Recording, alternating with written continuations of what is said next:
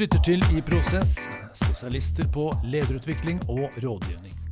Mitt navn er Tor Berntsen, og jeg sitter her i biblioteket på Grand Hotell med to interessante gjester. Da vil jeg gjerne starte med å ønske velkommen til Gunnar Hovland, konsernsjef i Tine. Du har vært her før, så du er jo kjent for våre faste lyttere, men eh, det er en stund siden. Så kan du minne oss om hva slags selskap Tine er, og hva du mener er spesielt viktig din rolle? Ja, Tine er jo et uh, samvirke som er eid av melkeprodusentene i Norge. Så vi har 7000 eiere som uh, sender melka si inn til 31 meierier, uh, og som foredles til en drøss med varelinjer som vi ønsker å skape vekst og utvikling på sammen med forbrukere og kunder. Ja. Om man leder et sånt selskap, kan du si én ting som du tenker er dette er det viktigste av det viktigste, hvis det går an å fremheve noe sånt? Det desidert viktigste for oss er å lykkes og vokse sammen med kundene våre. Det er ingen ja. tvil om det, At vi treffer forbrukerbehov i Norge, sånn at vi på en måte er relevante i framtiden med merkevarene våre sammen med kundene våre og får til lønnsom vekst. da. Ja. Det er by far det mest viktige vi driver med. Lønnsom vekst er bra, har jeg ja. hørt. Det er viktig for alle vi selskaper. Da vil jeg gjerne ønske velkommen til vår andre gjest, eh, Philip Engdahl, konsernsjef i Coop. Du har også vært her før, men da var du administrerende direktør i Flytoget. Hva vil du se den store forskjellen på å lede Flytog og Coop eh, så langt? Ja, Det ene går jo på skinner. Det er åpenbart eh, en stor forskjell. Eh, det er jo mange, det er mange ting som er forskjellig. Jeg tenker Eierskapet er forskjellig. Gunnar var innom det. Vi er også et forbrukereid ja. selskap. Som, som, som, er en stor forskjell med å være et statlig eid selskap.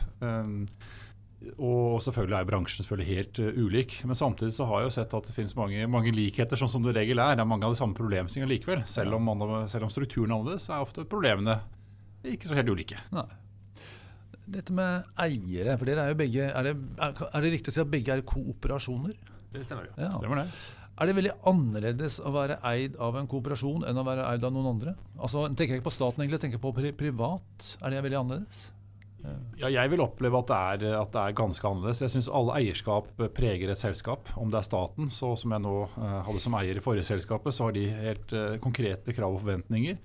Mens det å eie en kooperasjon, det, det er å balansere flere eierinteresser. Uh, og så er det også en sånn internpolitikk ved at at vi er en fellesorganisasjon uh, som, som, skal skape konkurransekraft for, eh, for våre eiere. Ja. Uh, mens de har litt ulikt syn på hva den konkurransekraften er. Ja. Så, så, det blir mange interessante diskusjoner å finne noe fulles, en felles multiplum på det. Så det, det, preger nok litt beslutningsgangen i selskapet. Ja. er det noe, noe, du kjenner igjen i, Gunnar, eller åssen er det? Jeg også jobber både med aksjonærer på ulike selskaper og nå melkebønder som eiere. Så jeg er enig med refleksjonen din, Philip, på at det eierskapet preger selskapet. Men eh, hva er det viktigste for oss som våre eiere sitter og presser oss på, sant, at vi skal skape verdens mest effektive verdikjede for melk i Norge. Ja. Det pushet hadde vi også når vi drev i bank eller energi. altså Hvordan vi kan skape effektivitet. Ja. Og skape da, lønnsom vekst kan du si, for de som eier i selskapet. De, de to tingene er ganske like. Og så er det på en måte måten du fordeler deg på som er forskjeller, kanskje. Ja, skjønner. Gunnar, jeg er opptatt av at rytteren blir eh, litt bedre kjent med deg som menneske. Hvem du er sånn eh, etter jobb. Etter jobb så Jeg er en veldig sånn nysgjerrig, uh, søkende fyr. Altså, jeg um, leser ganske mye. Uh, bøker om dette og hint, bare for å liksom, holde meg à jour på alt som skjer i samfunnet rundt oss. Uh, og så er Jeg veldig glad i å gå på ski og sykle og den type ting, så jeg er jo mye ute i naturen og bruker naturen som inspirasjonskilde for hverdagen og, og energikilde. Ja, så bra. Hva med deg, Philip? har du noen personlige hemmeligheter du kan avsløre på, for våre lyttere? Ja, hemmelighetene det tror jeg beholder til, til, til familien. Men, men, jeg kjenner meg mye igjen i det Gunnar også sier. Det er, det er snakk om å finne, eh, finne en balanse, og da gjøre noe annet når man har fritid enn, enn, å, enn det man gjør på jobb. Og på jobb er det jo veldig mye lesing og veldig mye møter, så da liker jeg å være, ha litt alenetid når jeg er eh, hjemme, eh, hjemme. og da enten også da bruke naturen og, og ja, tenke, tenke, litt på egen hånd og ja, få litt egentid, rett og slett. Ja, rett og slett. Gjøre noe annet. Ja. Nei, jeg, jeg, følger det. Gunnar, eh, jeg jobbet i dager med lederutvikling og rådgivning og er nysgjerrig på hva du gjør for å utvikle deg selv og gjerne også dine kolleger. Er det noe mm. Jeg tror Den viktigste arenaen for å utvikle meg og våre kolleger er at vi rett og slett har veldig flinke kollegaer. Ja. Eh, så det på en måte å ha et veldig sånn åpent, ærlig og transparent forhold oss imellom, og coache hverandre, det er den viktigste arenaen for meg, altså i konsernledelsen i Tine i praksis. da. Og så lærer jeg veldig mye av kundene våre. altså ja. Samhandling med kundene og sånn, for de stiller jo sterke krav til oss, som gjør at vi også må utvikle oss som team og som butikker. da. Eh, så det er også en veldig viktig utviklingsarena, altså kundene og den gruppa der. Eh, og så prøver jeg jo sant, Nå har jeg vært leder i snart 30 år, så jeg har hatt en sånn regel på at jeg stort sett hvert tiende år omtrent har funnet på et eller annet et lite sånn sidespor, altså gått på et eh, kurs enten her eller der, da, som har dreier seg om å holde seg a jour på hva som er det som skjer på lederutviklingsfronten. da. Ja. Uh, så det er ja, stort sett gjort uh, i utlandet en eller annen plass og putta på litt kompetanse. Skjønner. Mm. Hva med deg, Philip? Hva gjør du for å utvikle deg selv og le- dine ledere? Uh, Jeg tenker For meg selv så er det å utfordre meg selv ved å gå ut av komfortsonen. Det er å gjøre nye ting. Så, så bytte, bytte jobb når det blir for enkelt. sånn, ja. Eh, ja, nei, men når man føler at man kan noe og behersker veldig godt, Ja. så er det jo veldig behagelig eh, å, å bli værende. Men, eh, men da er det på tide å, å flytte på seg og, og utfordre seg selv. Da. Og da, som jeg nettopp har gjort. Da. Og det merker jeg veldig på, at min læringskurve nå er veldig, veldig bratt.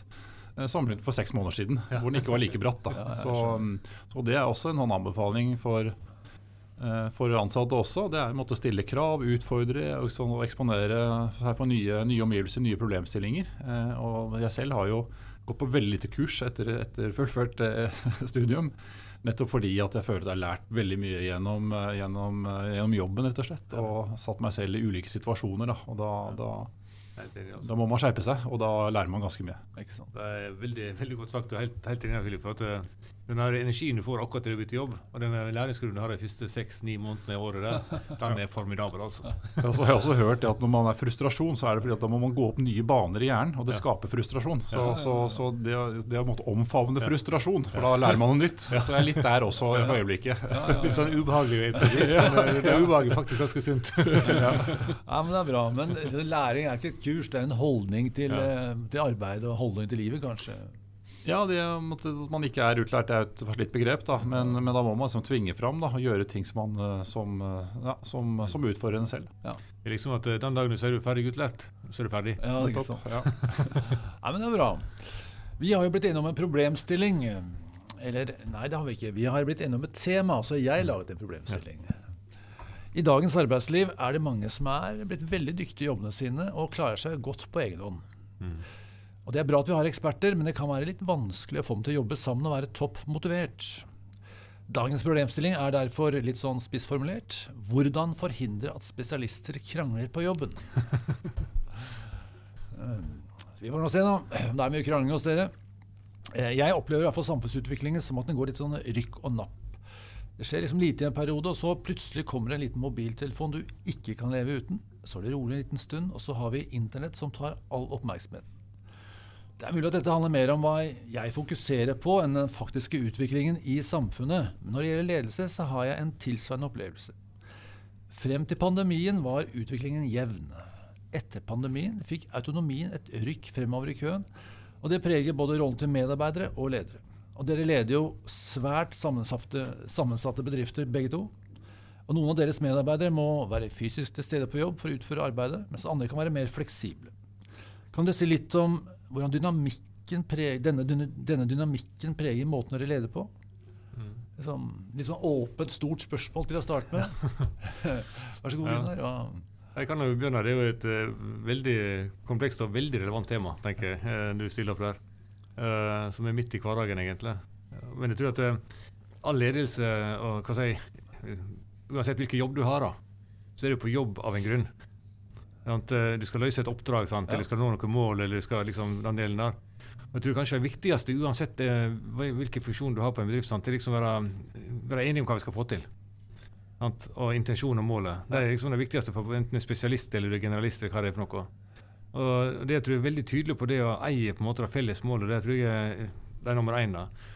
Og når du liksom skal prøve å få spesialistene til å jobbe sammen om disse felles målene, sånn, så tror jeg det å involvere deg tungt i prosessen på hvordan vi skal nå målet, er viktig. Men altså, du må liksom eie målet felles først. og så kan du, Hvis ikke du involverer dem sånn at de på en måte eier prosessen og eier tiltakene, virkemidlene for å nå målet, Ja. så kan du fort komme i litt trøbbel sant, med å bli sett på som en idiotisk generalist som ikke har peiling på hva som skjer. Det er et faremoment. Hvis ikke du tar med deg eh, de på reisen. Og samtidig hvis ikke du har gode prosesser med dem, sånn at eh, de som har ulike fagroller, kan si, får løse en verdikjede som Tine, som er kompleks. sant? Fra gresset på jordet til glasset på bordet, sånn, så er det mange problemstillinger og mange typer kompetanse du trenger. Og det å ha prosesser som gjør sitt at de kompetansene spiller på lag for å nå de målene som vi har. der er jo av og til at du går litt skjevt, sant, og sånne ting, at folk føler seg tråkka på eller ikke alltid med. og sånne ting, Men da lærer en seg jo mer og mer om hvordan du skal liksom kjøre sånne prosesser for å få en involvering, sånn at vi eier også måten å løse oppdraget på. da. Og gjennom det kan liksom la autonomien funke sant, ute på jordet eller på bordet eller hva det måtte være. Ja, ja, ja. Det er så lett ut når du sier det, men eh, at, vi skal være enige om oppdraget, at det liksom, eh, er det så vanskelig da? Men det er kanskje blitt det i vår tid, hvor, oppdraget er sammensatt. Vi skal liksom ta, ta litt refleksjon på det. Så, eh, hadde, den enkleste varianten på dette er jo når jeg hadde noen små unger sjøl. Ja. Så hadde vi eh, litt sånn at vi delte på eh, ting i huset for å få ting til å gå i hop. Etter hvert som jeg vokste opp. da. Så jeg fikk jo en eh, viss månedslønn hvis jeg på en måte klippte plenen eller tok ut vaskemaskinen. den type ting. Ganske enkelt å bli enig- enige om oppdraget. At vaskemaskinen skal være tømt. Uh, du kunne måle ganske enkelt om dette var gjort eller ikke. Ja. Og hadde det vært gjort, så fikk de betalt. Og var det ikke gjort sånn, så var det bare goodbye til den belønningen der. Eh, du sette, men eh, kvaliteten på plenklippingen var litt annerledes. Sant? Da kunne du sturva ganske mye sant, og tro at du hadde gjort jobben, eller du hadde klippet kanten og gjort alt sammen ordentlig. Sant? Og gjennom dette med å definere hva er egentlig oppdraget, Hva er oppdraget? hva er oppdraget, Ja. er like viktig enten der, eller om det handler om Tine som skal skape en effektiv verdikjede eller en god kundeopplevelse eller utvikling og innovasjon. Så må du på en måte være så tydelig på dette at folk skjønner hva de skal gjøre for noe. Ja, det er Bare liksom- går jo på jobben for å levere. Ja. Og så er det på en måte De må jo være veldig vite hva de skal levere på. Ellers så blir det vanskelig å jobbe.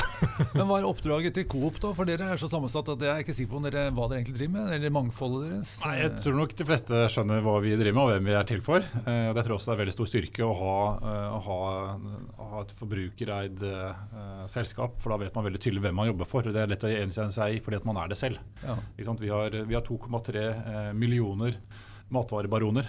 Ikke sant? Det, er, det er ikke én. Ikke sant? Så, så, så da tror jeg man kjenner på seg selv også. Så det, det er lett å gjenkjenne akkurat, akkurat hovedmålet. Ikke sant? Og det, det er å skape en, en butikk hvor du har lyst til å, å handle dine varer. Det er som så enkelt. Om dere eh, selger alltid fra bananer til byggevarer, er det ikke det omtrent? Det er eh, den stretchen, ja. Ja. Så det er, Det det var det det. jeg tenkte på. Men jeg tenker på, at det- det er jo en veldig interessant problemstilling. fordi ikke sant, Nå ansetter vi folk som forteller oss hva, hva, hva vi skal gjøre. ikke sant? Uh, så Vi kan ikke, vi kan ikke detaljstyre. Vi kan ikke fortelle nøyaktig hvordan du skal klippe den plenen. da, ikke sant? Fordi verden er blitt veldig kompleks. Eh, så det er veldig mye vi skal gjøre. Og, det, er ingen som, det er ingen konsernsjef tror jeg skal si at vet akkurat hvordan ting skal gjøres. Det kunne du gjøre før. Det Som vi skulle beskrive hvordan du skulle bygge en pyramide. så skulle vi si at hva, nå skal vi legge stein på stein, og så blir det en pyramide. Men, Ja. men den prosessen den er så kompleks, og det vet vi ikke lenger. Og så har det så skjedd et skifte ved at nesten, altså ikke, jeg, nesten alle studerer. da. Ikke? Alle er spesialister, altså mer kompetente. Så, så, så vi må måtte, anerkjenne at her er det ansatte som har mer kompetanse enn det, det vi har. Så vi må fokusere på målet. Og så eh, må våre ansatte fokusere på hvordan vi skal nå målet. For det, jeg, jeg klarer ikke å beskrive det. Ikke sant? Det, det, er for komplekst, og det er for, for overgripen. Da. Og da er jeg enig her at, at det å være veldig tydelig på hva vi skal oppnå, og så må man selvfølgelig bryte det ned. da, ikke sant? Eh, Selvfølgelig eh, til et visst nivå, men så må man også tørre å slippe. Og da kommer vi inn på det med, med autonomi. ikke sant? Og, og, og, og, og for å få de beste løsningene, så må man da uh, tørre å slippe litt. da, fordi Skal man detaljstyre, så, så får man ikke de beste løsningene, rett og slett. Nei, og så det, det, å ta det, den der balansen der, kan jeg si, som du er inne på, Philip. Sånn, for at, eh, jeg tror jeg gjerne er tilbake at Det som ofte har vært, eller kan være problemet for enkelte, det merker jeg veldig ofte hvis du kommer inn i avdelinger som ikke har en tydelig leder, da, sant, og som ikke er tydelig på hva de egentlig skal gjøre for noe, så får du mer, det du var inne på innledningsvis, eh, Tor, sant, at eh, det kan ofte være en dårligere medarbeiderundersøkelse, mer krangling og sånne ting, fordi at det, det er ikke så tydelig hva vi skal gjøre. gjort. Eh, mens det du har tydelige ledere, som på en måte er tydelige på hva vi skal gjøre for noe, og jobber godt med sine folk for hvordan de skal gjøre det, og la de få, få, få autonomi, som, eh, som Philip er inne på, sant, for å gjøre jobben, det ser du automatisk at eh, medarbeidertilfredsheten og på en måte utviklingen og tempoet er helt noe annet. Ja, eh, så bare, altså, det er også helt enig at altså, Forskjellen mellom autonomi og anarki det er god ledelse. Ja. det var godt sagt. Jeg har fått to slagord her. altså Fra, hva det, så fra gress til glass, Altså fra autonomi til anarki. Her har vi Ja, det, er, det er en balanse. for Ja. Hvis ikke man holder styr på det. Også, og Det er det som er krevende leder. Man vet ikke helt, eh, helt eh, hvordan akkurat nøyaktig ting skal gjøres i detalj, men man må vite, peke retning og sørge for at det holder sammen. da. Det å unngå å krangle på jobben, som, som var liksom inngangen her, det, det er viktig at man, man holder i tøylene. da. Det, det er det. Så, så tror, jeg- tror jeg det er det som en sånn sak på dette med Hvis du tenker dette med å kunne takle de verdikjedene vi sitter på, som er ganske komplekse og lange, som du sier. Så Det som er viktig for oss, sant, at eh, lederne våre og vi selv også sant, er litt sultne på å skjønne at det, det skjer jo kompetanseutvikling hele tiden. Det skjer teknologiutvikling, teknologiutvikling hele tiden. Sant? Det skjer markedsutvikling. Altså det, det, dette spillet der, sant, det går jo hele tiden. Eh, og Da skal du på en måte klare å utnytte det samtidig. Og Hvis ikke du lar folk få lov til å være sultne på disse tingene her, de som jobber med teknologi, sant, får være i front, får være med å lære seg nye ting. De som jobber med kompetanse, sant, søker etter de beste hodene, sånn at vi har det på plass her. Og la de få lov å liksom, være de som setter i dagsorden på hvordan gjøre ting. Men igjen, de må ha retning. Ja. Apropos anarki versus uh, faktisk ledelse. da. Men dette, altså, kan dere si litt om hvordan, altså Hvis man tenker lederstil? Altså, En gang i tida, hvis du går 50 eller 60 eller 100 år tilbake i tid, så visste jo lederen best. Og kunne fortelle folk hva, du, hva de skulle gjøre. Hvordan, Det- det trodde iallfall, gjøres. Du trodde det? Svært ego og lite selvinnsikt, kanskje. Ja, kanskje. Men, mens i dag så er det jo helt tydelig Nei, vi vet, vi vet målet, kanskje. Du Ja. beskriver oppdraget. Kan du liksom beskrive slags type Hva er god ledelse i denne sammenhengen da? Mm. Jeg, jeg, liksom, man må jo ha overblikk, man må jo selv forstå altså, kompleksitet. Og så kan man ikke gå så dypt, men man må gå såpass dypt at man skjønner, eh, skjønner eh, problemstillingen. Ja. Det må man gjøre. Så man er, også kan være god til å beskrive hva, hva som man skal løse, da, i tillegg til ordre mål. Så, så man må orientere seg bredt. Og ikke gå ned i detaljene. Det er, det er en ordentlig skummel felle å gå i. Og hvis man går for dypt ned, så, så mister man grepet andre steder. da. ja.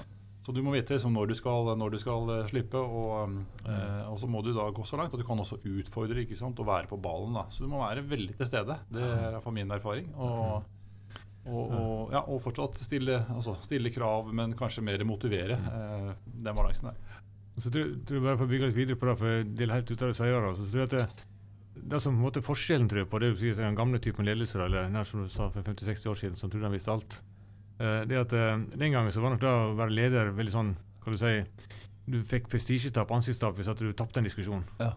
Jeg tror det, det som er forskjellen nå, er at eh, du må som leder være ganske prestisjeløs. For når du snakker med fagekspertise, sånn, så må du faktisk anerkjenne at de kan mye mer enn deg. Og Da går du inn med fagekspertisen sånn, kun for å løse dette på en bedre måte. Du Du diskuterer, coacher og snakker om hvordan vi kan gjøre det på en best mulig måte, uten å gå inn forutinntatt at det sånn skal det være. Eller sånn skal vi gjøre, opp, til, ja, gjøre jobben. Sant? Og Det er en ganske stor forskjell måte å jobbe på. Ja, ja, For Du går inn liksom uten sjøl å ha bestemt det på forhånd at det, sånn skal det gjøres. Det eneste du vet på forhånd er at vi skal nå det målet der. Det vet du. Men hvordan komme dit, det må du på en måte ha et ganske lave skuldre på. Ja. Og tenke at eh, du ikke, dette kan ikke du bedre enn andre. altså. Ja, Altså, hvis du vinner, så er du livredd, for da du at da har du på tynn is. Jo, men det andre jeg tror det er to sider også. fordi jeg tror den, der, den, den, eh, den respekten som kommer gjennom hierarki, den er jo ikke der heller. Altså, sånn at Du møter unge nå, ikke sant? og det er bare å du møtte barna sine òg. Du blir jo utfordret hele tiden. ikke sant? Så, så, så det er også det. Man vet at, eh, altså, De ansatte vet jo at de vet bedre. Så, så, så, Ja. så, den, den, eh, Ja. så man kommer ikke gjennom med det heller. Så Nei, nei. Det er selvregulerende akkurat det der. altså, Ja, Man har gjort så mye feil. Nei, jeg skjønner det. Og så, og så tror jeg ikke, det siste på den her, er at eh, vi har jo sosiale medier og sånt, en masse. Så den kommunikasjonen vi satte jeg da, skulle gå inn og overstyre et eller annet sånt, og gjøre et eller annet helt idiotisk, det veit samtlige i løpet av ti minutter. altså. For det, Så det, det, det, det blir fort avkledd, å si det sånn. Ja. Ja, men du er også litt inne på det her. At, altså, også er det sånn, skal du beholde dyktige medarbeidere, sånn, så må de også uh, få litt frie tøyler. Altså, de må få utfolde seg, må få gjøre det de er gode på. Hvis Ja. ikke så er de borte. Ja. Så, eh, så det er også en sånn her, vi er mer, altså, mer avhengig. Det er ikke, det er ikke noe hyllevare. Ikke sant? Man må, måtte faktisk holde på talentene. Så det er viktig det sida også. Ja, jeg skjønner. Men eh, det er jo en ten, en tendens, det er en mulighet da, for silotenkning. Altså, At det liksom blir sånn at eh, denne faggruppen her, vi, vi er litt bedre enn alle andre, eller eh, våre behov er viktigere enn deres behov. Altså, er, eh, hva tenker dere om det? Hva, hva, hva gjør dere for å unngå det? Altså, no, noen ting jo, lever veldig godt i silo. Nå snakker jeg ikke om korn og høy, da, men, eh, men eh, Jo, det gjør kanskje det også. Men, men noen ting er en måte atskilt. Og, og det er veldig fint at det er atskilt. For, for, for visse operasjoner i et virksomhet, da, om det var en måte i sant? Det går liksom teknisk side. Det, det, er liksom, det, er, det er et oppdrag som, som ikke har så mye inter, interaksjon med andre. Men der hvor du har interaksjon, så må du ha team som, eh, som, eh, som jobber på tvers. Så får et mål og en tilbake med, med en viss grad av autonomi. Får en opp, oppgave og et mål, eh, og, og, og skal selv finne ut hvordan det skal fungere. Da. Så da trenger man interaksjon. Da. Men jeg tror, jeg tror veldig på også en kombinasjon av silo. For Ellers så blir det masse møter, masse avstemninger og masse innvendinger. Du blir ikke effektivt i det hele tatt. Men der hvor du måte har, virker inn på hverandre, eh, så må du ha eh, en annen type struktur. Da, mer, mer team som kan som kan settes opp eh, på å løse ulike oppgaver fremfor at de er permanente. Da. Så det å organisere det opp ordentlig, Ja. så at, at linjene er linjene, og at der man har møtepunkter, at det er eh, kryssfunksjonelle team, da, det, det tror jeg på. Jeg bare bygge litt videre på det, jeg tror at den måten å løse det på også, eller i hvert fall en tanke, er at som regel er det hvilke oppgaver du sier sånn, så har du et, en, en hensikt av et eller annet sant, som er et tydelig mandat. For dette skal vi løse på et eller annet vis. Uh, og så tydelig ansvar og myndighet, sånn at du ikke får denne problemet med at du trenger all, all verdens møte for å måte, bli enige om hvordan du skal løse ting. da. Og så når du har mandatet og ansvar og myndigheten, sånn, så hvordan du setter sammen den gruppa for å løse oppdraget, det kan godt være et oppdrag som er ett møte, der, så har du løst oppdraget. Eller det kan være noe som går over tre måneder eller seks måneder, et år eller et eller annet. Det er alltid også til de som får mandater, sånn, at de har muligheten å spille på organisasjonen for å få tak i den kompetansen de trenger for å løse på best mulig måte. måte. Ja. Og det kan som sagt av og til lykkes ganske på tvers av alle linjer kan jeg si, for, til, for å få løst oppdrag i praksis. Uh, men eh, de må på en måte, det må være veldig tydelig at de har mandatet og eierskapet, ansvaret og myndigheten til å løse det. Ja, så oppleves at så Vi snakker disse ekspertene snakker og tenker ofte på yngre mennesker. da Uh, og de er jo ikke så opptatt av prestisje som kanskje gamle gubber. sånn at liksom, Det er mulig at man konstruerer også problemstillinger om vi ønsker å jobbe autonomt og ta beslutninger alene, men det ja. opplever ikke jeg. Jeg opplever at veldig mange unge eksperter ønsker å jobbe sammen. Ja, så, sånn at Vi må ikke konstruere en problemstilling at, at man vil ønske å jobbe alene og ta beslutninger alene. For det opplever ikke jeg tilfellet. Når man setter sammen folk i team, så er yes, vi er sammen om dette her. Yes, la oss fikse det. Mens Si. Oss vi kan bli mer sånn uh, Litt den gamle støpningen, ikke sant. Så, så, ja, så Du opplever at det er et generasjonsskille her? altså? Eller i hvert fall sånn, ja, litt, hold, litt ulike holdninger til det? Ja, altså Det er selvfølgelig personavhengig, men jeg syns at, at, team og arbeidet da, det, det, fungerer veldig, veldig, godt. Jeg er ikke så opptatt av presist at jeg skal ha rett, eller det er mitt ansvar. også. Det, det det å dele et ansvar, det syns jeg eh, fungerer ganske, ja. ganske godt i disse timene. Mm. Ja, for Det har vært en tendens i noen eh, si, yrkesgrupper da, at man har liksom, eh, holdt på egenkompetanse, for da beskytter du din egen posisjon. Mm. Vi går litt tilbake i tid, da. Trykkeribransjen. For eksempel. og, så, og så har det da skjedd en utvikling hvor det omgjør å dele fortest mulig. For ja. utviklingen går så fort at det er ikke noe poeng å holde på den. Ja. Eh, er det den ja, tendensen der du tenker på? At den har liksom eskalert? Som, som, som, vi snakket om innledningsvis, vi må lytte til kundene. ikke sant? Vi må forstå hva kunden vil, og det er det vi er til for.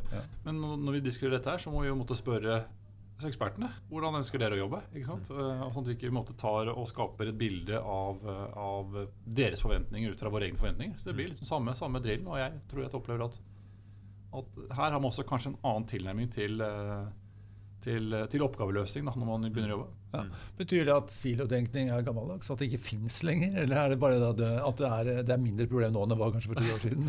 ja, igjen, altså Jeg tror på begge deler. Ja, ja, så, så det kan kanskje være vanskelig å tenke silo og si å gi noen en oppgave alene kanskje være like stor utfordring som å si at hva, skal jeg ikke jobbe i team? Nei, takk, da, da, tar jeg ikke den oppgaven. da. Altså.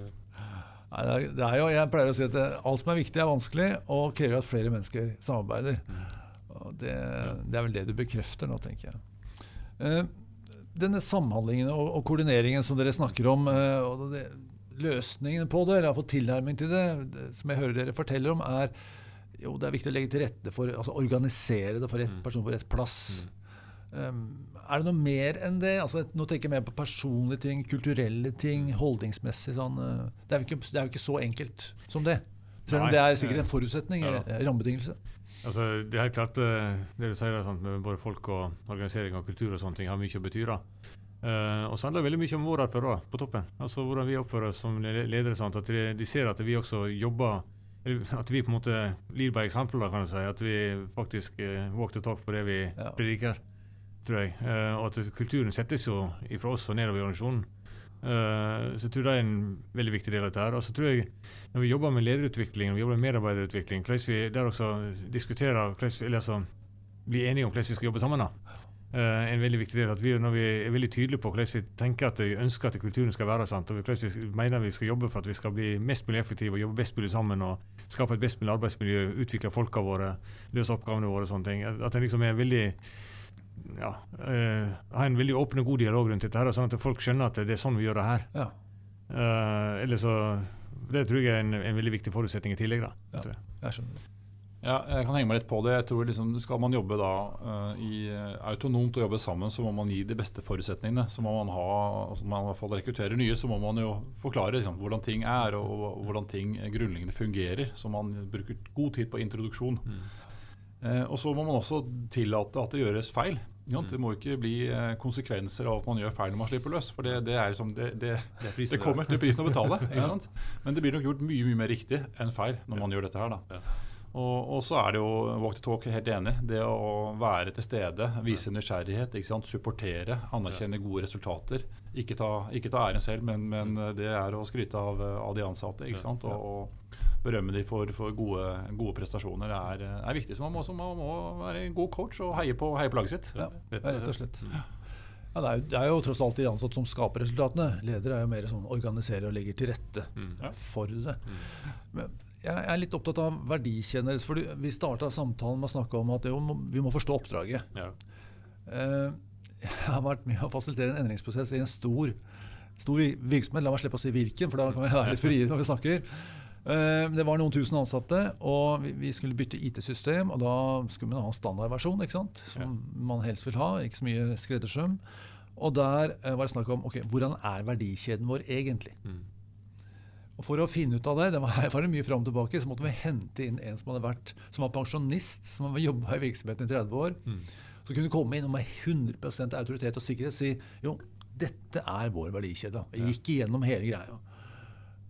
Er, eh, og da tenker jeg på at hvis en ansatt som er kanskje midt i verdikjeden skal forstå sitt oppdrag, det kan være ganske komplekst. Eller forstå eh, hva er det jeg gjør nå, hvilken verdi skaper det for kundene mine i den andre enden.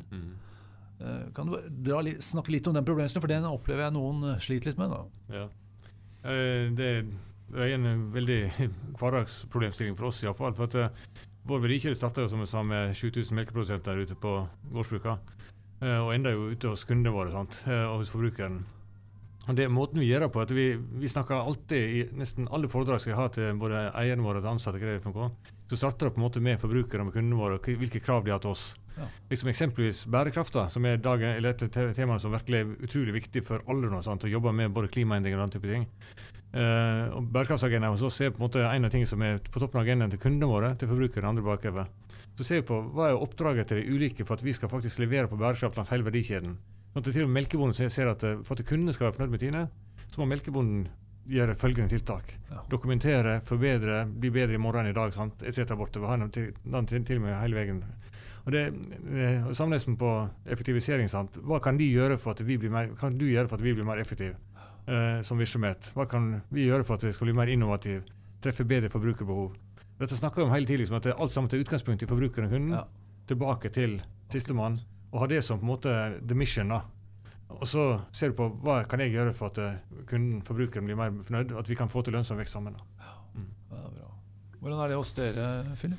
Ja, det er en kompleks uh, verdikjede. Uh, det er det. Jeg tror man må sørge for at uh, alle får rette forutsetninger, forstår dette fullt ut. Og da må man bruke tid på opplæring. Men samtidig så tror jeg at, at dette kan løses også ved at man setter sammen tverrfunksjonelle team.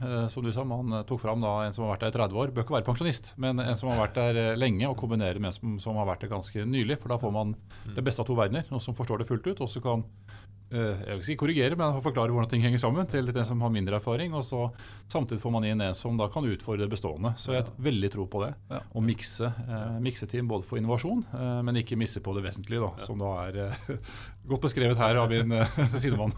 Jeg skjønner. Dere leder jo et mylder av spesialistgrupper, og selv om de sikkert jobber for helheten, og sånn, så har de vel noen ulike behov og interesser. Så er det noe særlig krangling på jobben?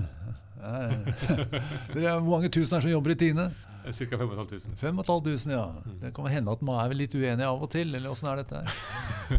Hvordan, i, I så fall, hvis det er det, hvordan håndterer dere konflikter og uenigheter i sånne spesialistgrupper?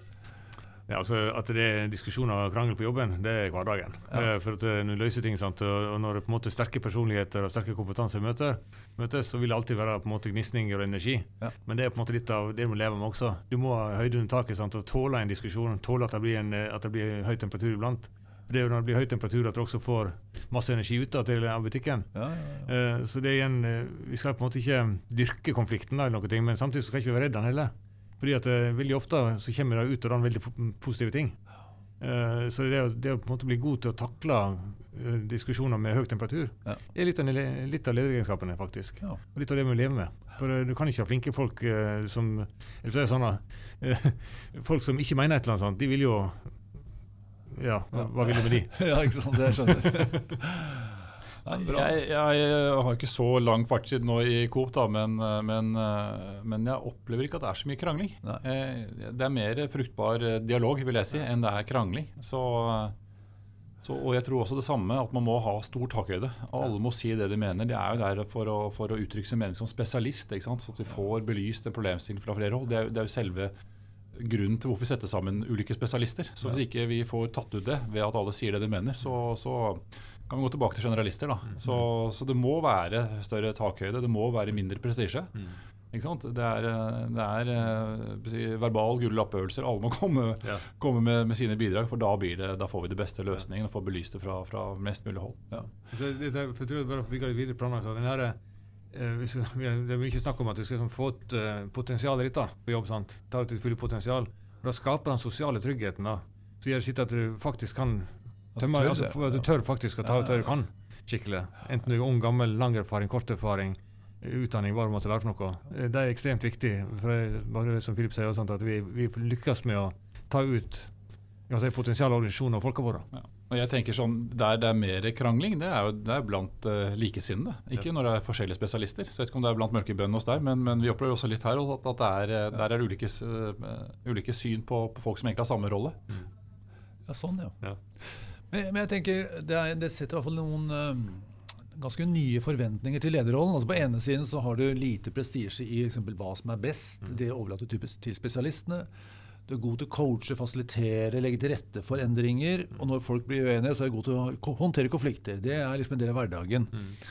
Det er veldig sånn menneskerettet lederrolle fremfor en, la oss si, en mer sånn oppgaverettet med- lederrolle, som har vært kanskje mer vanlig tidligere.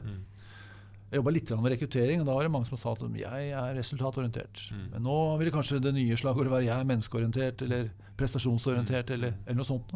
Er det, er det en riktig glidning, tenker du Philip? Ja, altså resultatorientert. Jeg tror det må gå prestisje i en gruppe å nå et resultat, ikke hvem som eh, løser det. Så det, Ja. det, må, det må flyttes til å nå målet. Ikke, sant? ikke at det er jeg som har gjort det, men at det er Vi som har gjort det. som har gjort det. Ja, ja. Det, det tror jeg er veldig viktig. Og da må man eh, ha takhøyde, man må eh, tørre å kunne feile. ikke sant? Og man eh, må kunne ta bort uh, personlig prestisje, og, og albuene. Da, ikke sant? Ja. Det, det tror jeg er, eh, er det rette miljøet for å, for å skape gode resultater. Ja, men det, når du sier det, så tenker jeg at eh, samfunnet har jo blitt de siste ja, årene blitt mer og mer individualistisk. Men det du sier nå, er kanskje at arbeidslivet har blitt mer og mer kollektivistisk, og mer samarbeidende, mer team. Hva sa du? En kooperasjon, nærmest. Kooperasjon, ja. Selvsagt. Nei, men, nei men, men jeg tror det at Ja. det, det der er kanskje ikke noen motsetning. Man vil måtte realisere seg selv og, og være individualistisk. Også når du går rundt på gatene, så ser jo ganske, folk ganske like ut allikevel. Ja, så, men man opplever ofte at man realiserer seg selv. Ja. Men, men jeg opplever det litt, at de, det, er ikke, det, er ikke, det er ikke noen tendens til at man, eh, man er individualistisk i, i arbeidet. Nei. Hvis du spør ja, hvordan er kollegaene, vanlig spørsmål. Sant? Eh, Jobb, kan vi jobbe i team? Altså, det er et typisk spørsmål. Da. Hvordan er miljøet, arbeidsmiljøet? Så, så det er ikke bare sånn kan jeg jobbe i hjemmekontor og være helt for meg selv. Det Nei, er ikke det- spørsmålet jeg får i, i turrunder. Man spør mye om hvordan ting fungerer på jobben, og hvordan kollegaene er, og hvordan miljøet er. Mm. Vi, har jo vi er jo begge to kooperasjoner. Sant? Samvirke. Sant? Det handler om å virke sammen. Ja. Uh, så det, det er på en måte naturen ved virksomheten vår også, da, at Ja. vi ønsker å virke godt sammen. Og jeg tror jeg hadde ganske morsomme saker på Vi var borte i Silicon Valley og møtte bl.a. Google-teamet. Jeg ble veldig overraska over den undersøkelsen de har gjort blant sine 70 000-80 000 globalt ansatte. At den viktigste delen for at et team og virksomhet virker godt, det var sosial trygghet. Ja. At, for å få ut potensialet av folk. sant? Ja. Og da er vi tilbake til at eh, hvordan skaper vi sosial trygghet? Det er ikke ved å piske folk sant, til å gå inn og være sjef og bosse. Det, det er akkurat det som Philip er inne på. Sånn, de egenskaper du jobber med for å måtte skape den tryggheten da, sant, og få ut potensialet av folka dine og teamet ditt. da.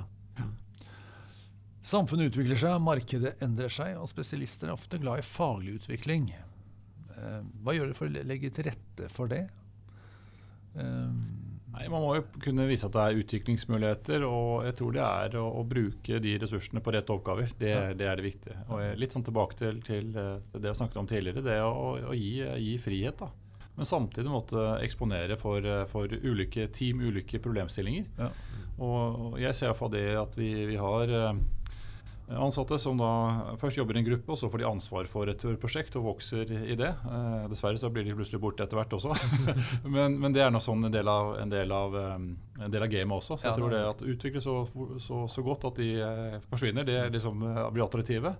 Selv om ikke det er målet i seg selv, så må man i hvert fall risikere det. da. Eh, så, så, igjen, la, la, ansatte utvikle seg. Eh, om, det, om de da Tenker du at, det, at den viktigste uh, si, uh, læringen eller kunnskapshevingen skjer i arbeidet? Altså, mm. Grunnen til at jeg stiller spørsmål, er at hvis du skal lage et kurs, da, mm. så først noen, må først noen gjøre erfaringen. Mm. Så må de konseptualisere det til et kurs, og så må de gjennomføre mm. kurset. Mm. Da går det fort ti år. Så hvis du skal, mm. Det er kanskje greit å gå på noen kurs, det er ikke det jeg sier. Du gjør det hvert tiende år. Nei, faktisk er det kanskje Men altså, hvis du tenker, snakker om det, så tenker jeg jo at det her eh, det populære uttrykket 'on the job training', kan du si, at du på en måte eksponeres for nye utfordringer på jobben, og gjennom det du skal løse, så trenger du kanskje av og til noe ekstra på IT, digitalisering eller på hva det måtte være du mangler. Da Da skjøter du på med det sant, for å løse oppdraget igjen. Ja. For da har du på en måte et eller annet som, du, som, treffer det du skal gjøre, og så løser du det, sant, og så får du mestring igjen og autonomi fordi at du har faktisk lært noe nytt, ja. og du utvikler deg som personer. Ja. Uh, så da, ser du jo skjer hele tida. Og det, det, kan skje gjennom at du enten legger inn noe som lærer deg opp, sant? eller på en vis du lærer noen nye verktøy, eller hva det måtte være for noe. Uh, og da ser du at de, de folka som på en måte alltid søker etter den type ting, da, de, de går jo trappetrinn og blir jo flinkere og flinkere og flinkere til et eller annet. Ja. Uh, gjerne enten spesialistretningen eller generalistretningen. Og begge deler er jo like verdsatt i en bedrift. For du trenger begge deler. Ja. Du trenger folk som på en måte ønsker å gå breddeveien sant? og ta lederansvar og ta større og større ansvar. Du trenger folk som blir gode til et eller annet helt spesielt spesifikt. Og du må trene på begge deler. Ja. Så det handler om å bygge en lærende organisasjon? Egentlig, ja. ja. Altså, livslandslæring er jo på en måte et begrep som eh, du er jo en saying ute nå. Sant? og Ekstremt viktig tror jeg, for å på en måte takle et samfunn som er i kontinuerlig utvikling. da. Ja. Og så er det jo sånn at uh, Læringsformen den, den, kan man jo velge med selv også nå. Uh, jeg hadde jo en professor på, på universitetet som sa at uh, første dagen på forelesningen så sa han, um, var en jusprofessor, at dere velger selv om dere vil være til stede. Eh, her er pensum, det er denne boken her. Jeg var selv aldri på forelesning, så det kan dere også gjøre. Det går fint. Og Sånn er det litt her også. Det, man kan tillegge seg veldig mye kunnskap nå eh, på, på egen hånd. Så, så, visse kurs eh, de kan man gå på. Man kan lære seg selv. Og at man eksponerer seg for, for settinger hvor man lærer dette. Da. Så jeg tror det finnes forskjellige, forskjellige varianter for å utvikle seg. Ja, absolutt. Men man må ha en lyst til å utvikle seg. Ja, og da må man gi motivasjon for å utvikle seg. Anerkjenne utvikling. Så jeg tror det er mye sånn som, som leder å legge til rette for å heie på, ja. uh, heie på utvikling. Heie på at folk uh, ja, får, får, muligheter. Da. Ja. Mm. Det er litt sånn som vi sa i introen, egentlig, at uh, man har en holdning til læring. Kanskje, vi, det er kanskje der er det starter. Gunnar, hvis alt går slik du ønsker de neste seks månedene, hva har du oppnådd da? ja, hva skal jeg si. Um, i forhold til temaet vi snakker om nå, da, tenker jeg, så eh, det vi jobber mye med i, eh, hos oss, er jo eh, tre sånne hovedstrømmer som går naturligvis for å treffe disse forbrukerbehovene som gjør ute, sant, og de kundekravene som er til oss. Eh, og Det er den viktigste jobben vår. Altså Det å bli enda bedre på den kundedialogen og det å få tak i forbrukerbehovene og treffe med det vi jobber med på innovasjonsfronten, det er nummer én-jobben vår. Ja. Og så har vi en kjempestor jobb nå som går på å bygge det vi kaller for verdens mest effektive verdikjede for melk i Norge. Uh, som også er et prosjekt som er under oppseiling, så vi skal på en måte ha på plass ganske mye ting på for at det, skal lykkes med det. Men ja. det får vi en eksamen på i løpet av de seks, seks månedene på at vi har rette planen og får den til å bli skikkelig god. Ja. Okay. Uh, og så er det å få med seg folka på dette. Altså Få med seg ansatte som får få motivasjon av de oppdragene som kommer ut av det, det vi står oppi. da. Og som virkelig går inn og gir full gass på at vi skal få til dette. Da tenker jeg det vi skal lyst til å få til. du har nok å holde på med, skjønner jeg. Filip, hva med deg? Hva, hvis alt går slik du ønsker de neste seks månedene, hva er det du har? ja, nå har jeg vært der de første 100 dagene. Så, så, det å få det fulle overblikket er jo veldig viktig. For det tror jeg veldig på. At man må vite eh, også, hva man holder på med, og få den store bredden. Da. Og det er, det er ganske krevende i, uh, i, en så stor organisasjon når man, man kommer nytt inn i det. Så det, det er respekt for den kunnskapen som finnes der. Mm. For man begynner å, å trekke de store, store linjene. da. Men, men, det er en ekstremt tøff konkurranse i den sektoren som, som vi er i. Det er uh, beintøft om dagen, det kan man lese om alle, alle aviser. Uh, og, uh, så, så det, det, som er viktig nå, er at vi finner måten vi skal lage konkurransekraft på. Og det, det, tar jo ikke seks måneder, det tar, det tar jo flere år. da. Så det å stake ut kursen, det, er den viktigste oppgaven fremover. da. Og da er det en å samle alle ansatte omkring det oppdraget. Og da er vi helt avhengig av både generalister og spesialister, eh, og at de trekker i samme, samme retning. Da. Så hvis vi da mot slutten av dette året her har en plan, og har alle med på den planen, så er jeg ekstremt fornøyd. Veldig bra. Da er vi nødt til å avslutte. Hensikten med denne refleksjonen er økt bevissthet. For vi tror at det du er bevisst, kan du gjøre noe med. Og det du ikke er bevisst, gjør noe med deg. Hvis du som hører på oss ønsker at vi skal styrke din bevissthet ved å invitere spesielle gjester eller belyse spesielle problemstillinger, kan du sende oss en e-post til post at iprosess.no.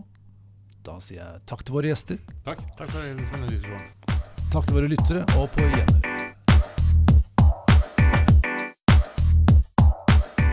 Hei, det er Tor Berntsen her. Jeg vil gjerne ha din oppmerksomhet litt til. Jeg har nemlig noe du trenger. Som du vet, jobber vi med lederutvikling. Og tradisjonelt har det vært å utvikle ledergrupper eller gjennomføre lederprogram på konferansehotell. Gjerne kombinert med coaching på ditt eller mitt kontor. Det gjør vi fortsatt. Men nå har vi online lederprogram, som gjør at du kan utvikle deg selv og dine ledere uten en ekstern konsulent, eller med bare litt støtte. Hva betyr det for deg som leder? Jo, to ting. Du kan utvikle mange mennesker samtidig, og prosesser som tidligere ville tatt mange år, kan gjennomføres i løpet av uker og måneder. Det andre er kostnadsbildet. Det kan reduseres med 90% eller du kan få ti ganger så stor gjennomslagskraft til samme pris. Mulighetene er mange. Gå til iprosess.no, eller enda bedre, ta kontakt på post at iprosess.no. Så kan vi avtale en prat om hva som passer for deg og din virksomhet. Vi snakkes.